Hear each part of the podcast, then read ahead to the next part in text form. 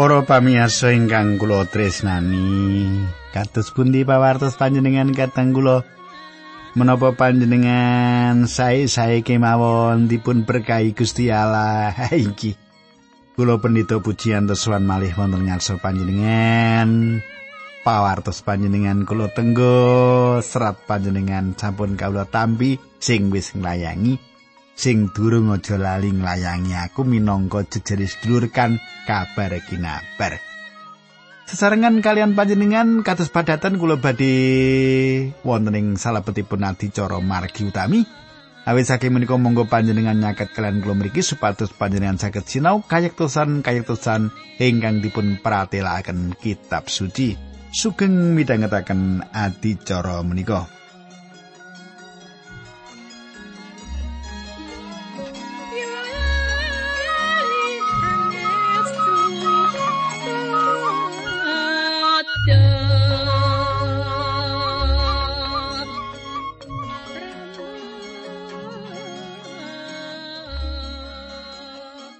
Para pamirsa ingkang kula tresnani, tentunipun panjenengan tasih kemutan menapa ingkang kula aturaken nalika pepanggihan kepengker. Kula sampun ngaturaken dumateng panjenengan ing kepengker bilih Paulus sanget ngajeni.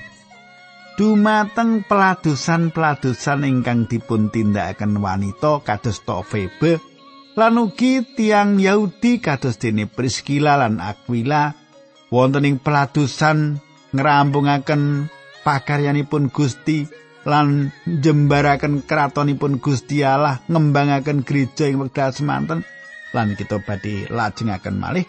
Nanging saderengipun menika monggo kita tumungkul kita nyuwun tuntunanipun Gusti.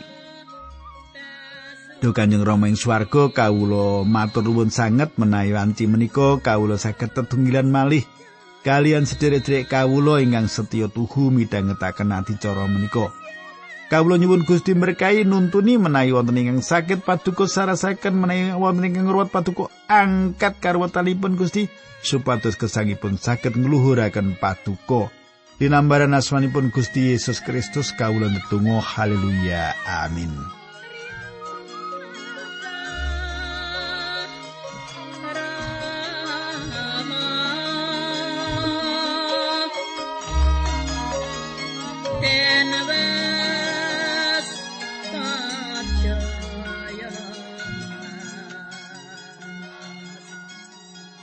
Para pamirsa samenika pasinaon kita sampun mlebet ing serat Rom 16 ayat gangsa nggih. Mengkih lajeng diterusaken samenika ayat gangsal rumiyin kula badhe maosaken kagem panjenengan. Uga salamku marang pesamuan-pesamuan sing padha kumpulan ana ing omahe.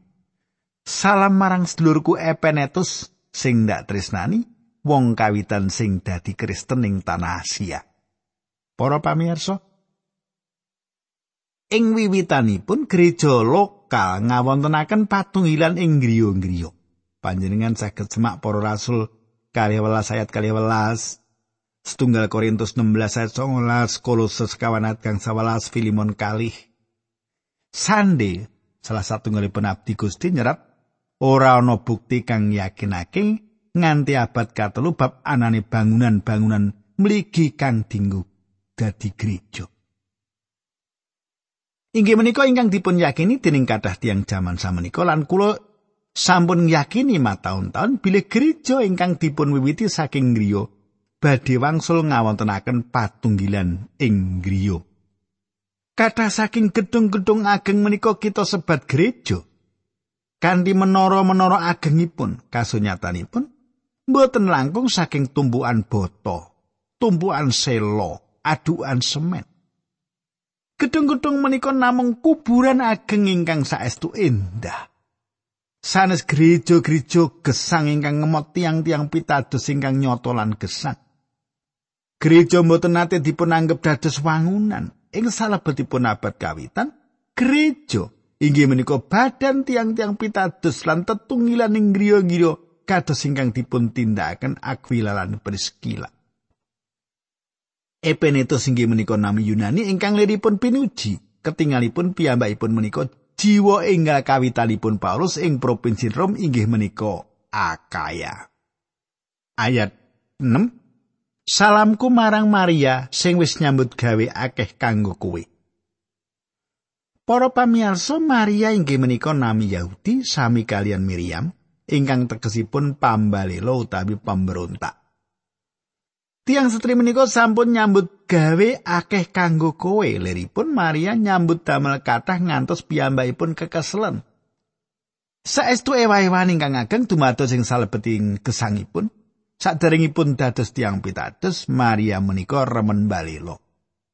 Nanging samenika piyambakipun ngawonaken badan piyambak demi kepentingan tiang-tiang pitados sanesipun. Awit samenika piyambakipun bangun turut dumateng Sang Kristus. Ayat pitu.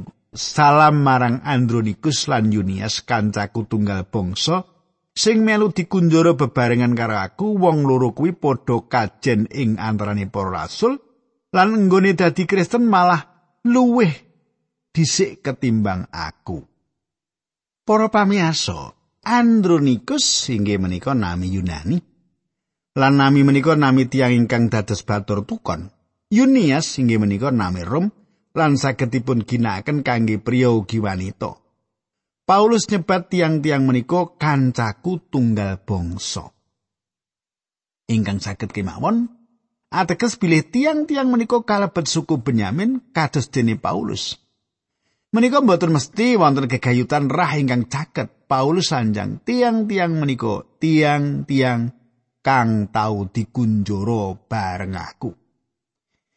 Ketingalipun Paulus sampun kepanggih kalian tiang-tiang menika ing salah satunggal pakunjaran ing kekasyaran Rom. Tiang kali menika tepang caket kalian rasul lan tiang menika saestu ngajeni Paulus. Paulus dereng saged nuntun tiang-tiang menika dumateng Sang Kristus. Kados dene anggapan bilih tiang-tiang menika wonten ing salebetipun Sang Kristus saderengipun Paulus. Para pamirsa, Gereja Rom dipun edekaken dening Paulus wonten ing salebetipun kahanan ingkang ngidapi-dapi. Paulus kepanggih kalian Aquila lan Priscilla wonten ing pasar Korinta lan salajengipun kepanggih malih wonten ing pakunjaran. Tiang tiga menika lajeng kesah dhateng Rom bangun gereja wonten ing mriku. Kula lajengaken ayat 8 lan 9. Salamku marang Apliatus sing ndak tresnani ana ing patungilane Gusti uga marang Urbanus kancaku tunggal ayahan ana ing Sang Kristus sarta marang Stakis mitraku sing ndak tresnani para pamirsa Ampliatus inggih menika nami umum kanggenipun budak utawi batur tukon lan sagedipun panggihaken ing kuburan-kuburan tiang-tiang Kristen wiwitan ing katakombe tansah ing papan kinormatan. Cetha Ampliatus menika jiwa enggal ingkang saestu dipun tresnani Paulus. Urbanus ateges tedak turun kita. Kanthi tembung sanes naminipun sayektosipun ateges tukang apus-apus kita. Nami menika ugi nami umum budak lan liripun piyambakipun dipun beto dhateng kita mboten dhateng padesan. Urbanus misuwur tiang ingkang nyambut damel asli ing antawisipun tiang-tiang pitados stakis kadaptar ing rumah tangga keraton nami menika nami kangge tiang jaler. Stakis mboten namung dipun tresnani Paulus nanging ugi dipun tresnani pesamuan. Kula lajengaken Rom 16 ayat 10. Salam marang Apeles sing setya banget marang Gusti Kristus uga salam kanggo brayate Aristobulus. Kadang kula Apeles liripun dipun sarujui. Naminipun menika nami Yahudi ugi Yunani nami menika limrah kangge bangsa Yahudi. Apeles sampun nglampahi pendadaran ingkang inggil. Alandesan tradisi piyambakipun dipun tepang dados jejeripun uskup sae ing Semirna ugi ing Heraklia. Aristobulus dipun tepang minangka uskup Lightfoot, piyambakipun dipun tepang minangka putunipun jaler Herodes Agung. Utawi saged ugi piyambakipun menika budak ingkang ginakaken nami benderanipun kita mboten yakin kegayutan perkawis menika. Samenika kula lajengaken ayat 11. Lan marang Herodian sedulurku tunggal bangsa salam marang sedulur-sedulur Kristen sing ana ing brayate Narkisus. Kadang kula. Herodian cetha sanget menika nami tiang Yahudi, Awit Paulus nyebat minangka sedulurku tunggal bangsa. Nami menika nedahaken piyambakipun menika kalebet keluarga Herodes. Herodion saged ugi budak ingkang ginakaken nami keluarga ing pundi piyambakipun nyambut damel. Salajengipun Narkisus inggih menika nami tiang merdika ingkang misuwur lan dipun pejahi Agripa. Nami ingkang dipun pratelaken ing mriki saged ugi tiang menika budak ingkang saderengipun dados budakipun Agripa lan mendet naminipun. Kita lajengaken ayat 12 Rom 16. Salamku uga marang Trivena lan Trifosa sing padha nyambut gaya akeh kanggo ngladosi Gusti lan salam marang persis sing dak tresnani sing wis akeh banget labete ana ing pakaryane Gusti. Para pamirsa, Trivena lan Trifosa. Sinten menika? Inggih menika nami ingkang sekeca dipun pirengaken. Ingkang niripun inggih menika lembut lan ayu. Kula mbayangaken wanita kali menika satunggalipun kenya ingkang sampun umur nanging tepang karian Sang Kristus. Saged ugi kali wanita menika satunggalipun wanita ingkang sugih lan saestu nyengkuyung peladosanipun Paulus. Paulus mestani bilih tiang kali menika padha nyambut gawe akeh kanggo ngladosi Gusti. Wanita kali menika pelados asli gereja Rom persis kang ndak tresnani. Menika wanita sanes. Sing wis akeh banget labete ana ing pakaryane Gusti. Persis menika nami wanita merdika lan kalengganipun saged ugi dados jalaran piyambakipun saged tindakan langkung kathah dipun bandingaken kalian kalih wanita kala wau, Trivena lan Trifosa. Kulo lajengaken ayat 13. Aku kirim salam marang Rupus abdi sing utama dhewe ing ayahane Gusti lan salam marang ibune sing salawase ngrengkuh aku kaya anake dhewe. Kadang kula sinaosa tiyang menika ketinganipun kebak wadi ing pasal menika. Sejatosipun kita saged mangertos kathah kegayutan kalian tiang menika malah werni rambutipun. Naminipun ateges abrit. Abrit inggih menika sesebatanipun nanging kathah tiang ingkang rambutipun abrit nanging boten menika ingkang andadosaken tiang menika ngedapi-dapi. Ingkang ngantetesaken piyambakipun ngidapi-dapi inggih menika dipun sebat abdi sing utama dhewe ing ayahane Gusti. Kula remen menika, saged ugi panjenengan ngendika nanging rak wong liya-liyane ing pasal iki uga wong-wong kang dipilih sadroning Gusti. Inggih. Tiang-tiang sedaya menika tiang suci ingkang ngidapi-dapi nanging tiang menika ingkang misuwur piyambak. Saged ugi menawi dipun jarwaken ingkang langkung Pak Asinggi menika tiang ingkang dados pengajeng ing salebetipun Gusti. Piyambakipun menika tiang ingkang ngedapi-dapi kunjuk Gusti Allah. Kadang kula rupos misuwur ing gereja awet saking pitedhaipun bapakipun. Ing wedha Yohanes Markus nyerat Injil piyambakipun nyerat nami menika mliginipun kangge pasaman ing Rom. Ing salebeting seratipun Yohanes Markus nyebat lelampan ingkang dipun lampai tiang jaler ingkang naminipun Simon ingkang kedah manggul salib Kristus. Ing Markus gang 11 ayat selikur, makatan surasipun ana ing dalan para prajurit kepethuk wong lanang sing banjur dipeksa dikon manggul salib Gusti Yesus. Wong mau pinuju teka saka desa arep mlebu kutha. Wong mau jenenge Simon asal saka kutha Kirene, bapakne Alexander lan Rupus. Prajurit Roming dinten menika mangertos Gusti Yesus dawah awit manggul salib. Ing wekdal menika prajurit Rom menika ningali tiang-tiang ingkang ngrubung lajeng prajurit kala bengok dumateng ingkang badanipun gonggot inggih menika Simon saking Kirene. Prene. Pikul salib kuwi. Lan Simon menika manggul salib kala wau. Satunggalipun patrap ingkang andadosaken piyambakipun dipun paringi gesang langgeng. Yohanes Markus nyerat dumateng pesaman Rom. Nepangaken Simon dumateng pesaman menika kanthi nambahaken bapakne Alexander lan Rupus. Sedaya tiang suci ing rum tepang lan Rupus sebab piyambakipun menika misur wonten ing gereja. Para pamirsa, cobi panjenengan katosaken langkung tebih bilih salam Paulus kalebet ugi dumateng Ibu Rupus. Lan salam marang ibune sing salawasing rengkuh aku kaya anake dhewe. Kita mboten mangertos menapa-menapa kegayutan ibu lan bapakipun Rasul Paulus. Kita ing mriki sinau kegayutan wanita mursid ing kita Yerusalem. Semahipun Simon saking Kirene ingkang sampun dipun anggap ibu dening Rasul Paulus. Panjenengan saged ugi tasih kemutan bilih kawitan pindah Paulus dumugi ing Yerusalem, pesamuan sami adrih dumateng Paulus. Pasaman ing Yerusalem boten yakin menika tiang Farisi ingkang gadah panguwas menika saestu tulus. Pasaman gadah anggapan menika Paulus menika apus-apus, nanging ibu Rupus nampani Paulus. Ayo mlebu lan manggon ing kene sekamar karo Rupus. Ing wedange muti jaman menika Paulus nyerat kegayutan ibu menika.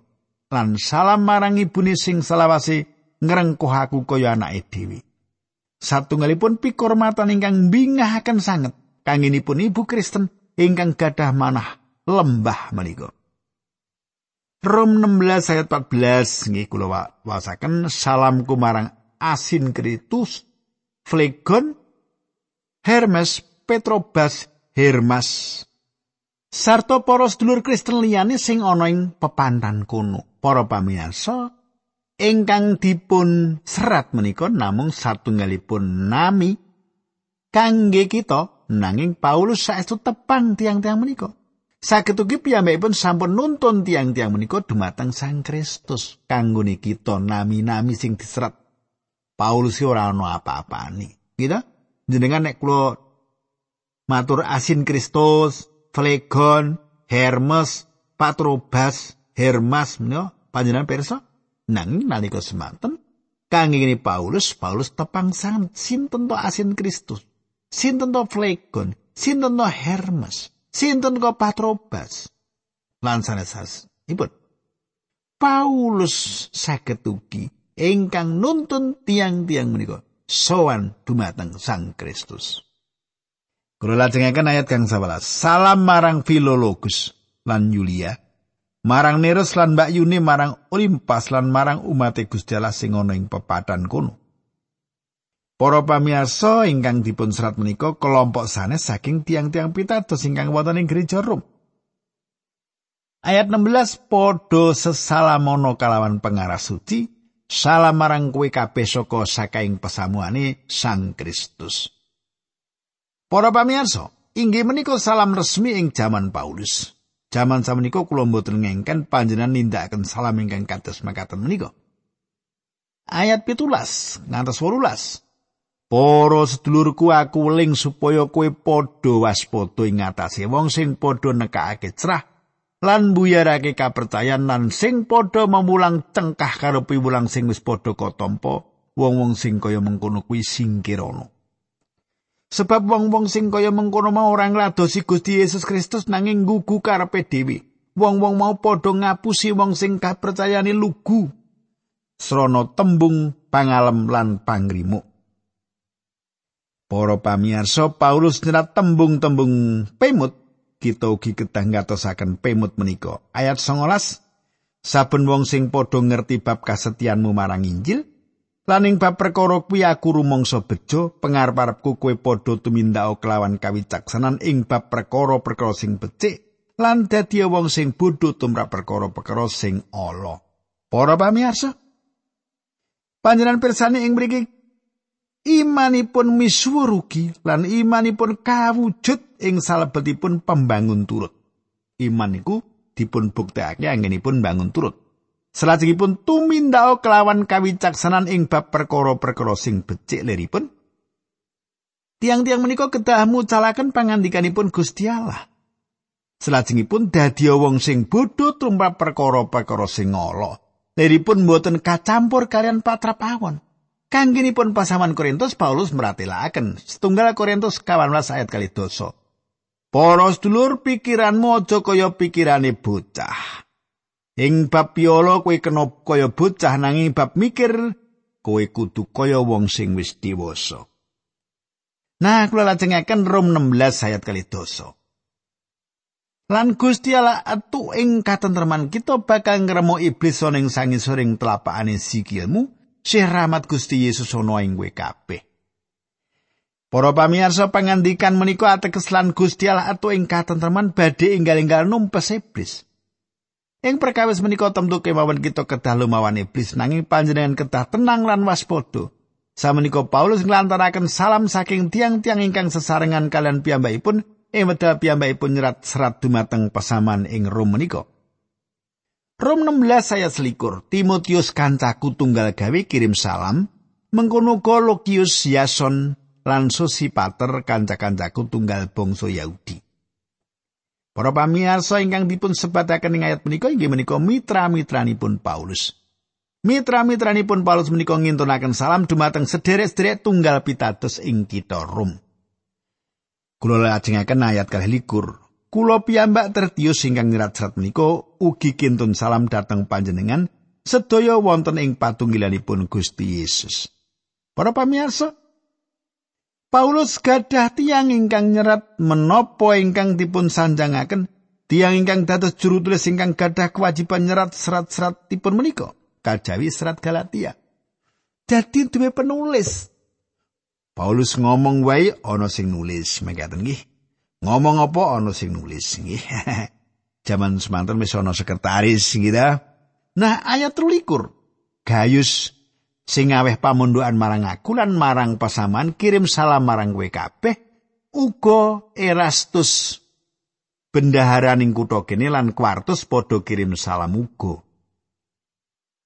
Paulus manggen ing griyanipun Gayus lan Gayus ugi ngersakaken ngintunaken salam. Ayat 14. Sih rahmate Gusti Yesus Kristus ana ing kowe kabeh. Amin.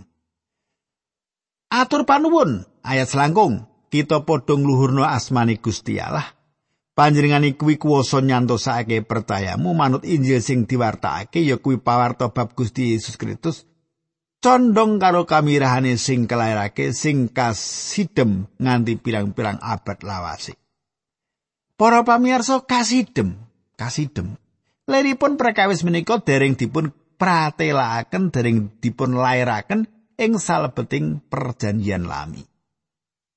Menika nuntun ing jaman samenika ing wekdal Gusti Allah nuntun bangsa Yahudi ugi sanes Yahudi lan andadosaken bangsa-bangsa menika manunggal ing satunggal badan inggih menika gereja. Ayat 6 Nanging kamiran mau saiki wis diwedharake ana ing kitabe para nabi Atas dawe Gusti Allah sing langgeng kamiran kuwi wis diwartake marang para bangsa kabeh supaya wong kabeh padha percaya lan bangun truta marang Gusti Allah. Para pamirsa, ing mriki kita ningali pembangun turut iman. Menawi panjenengan pitados Sang Kristus panjenengan badhe bangun turut dumateng panjenenganipun Gusti Yesus paring pangandikan. Yohanes 1 ayat 17. Wedhus-wedhusku padha niteni suaraku, Aku wanuh karo wedhus-wedhusku lan wedhus-wedhusku padha ngetutake aku. Para pamirsa, pambangun turut inggih menika pakaryan lan woh iman.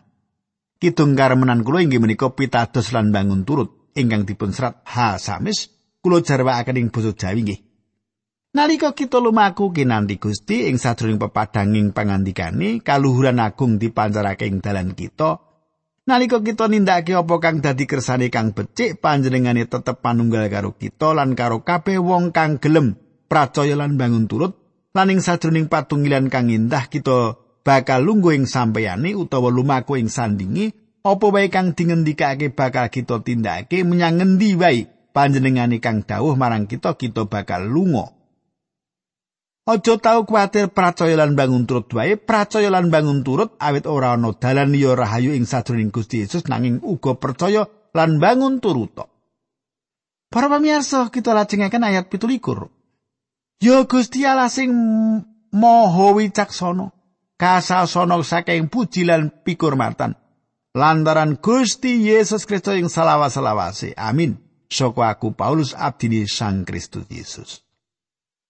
Menika ingkang pungkasan para pamirsa, kula suwun menapa ingkang kula aturaken menika saged andayani kiating iman kapitadosan panjenengan.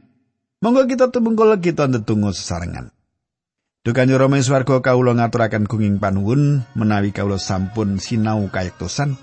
Berkahi sedherek kawula menika supados kiat anggenipun nglampahi dados tiang pritados. Dinambaran asmanipun Gusti Yesus kawula ndedonga haleluya amin.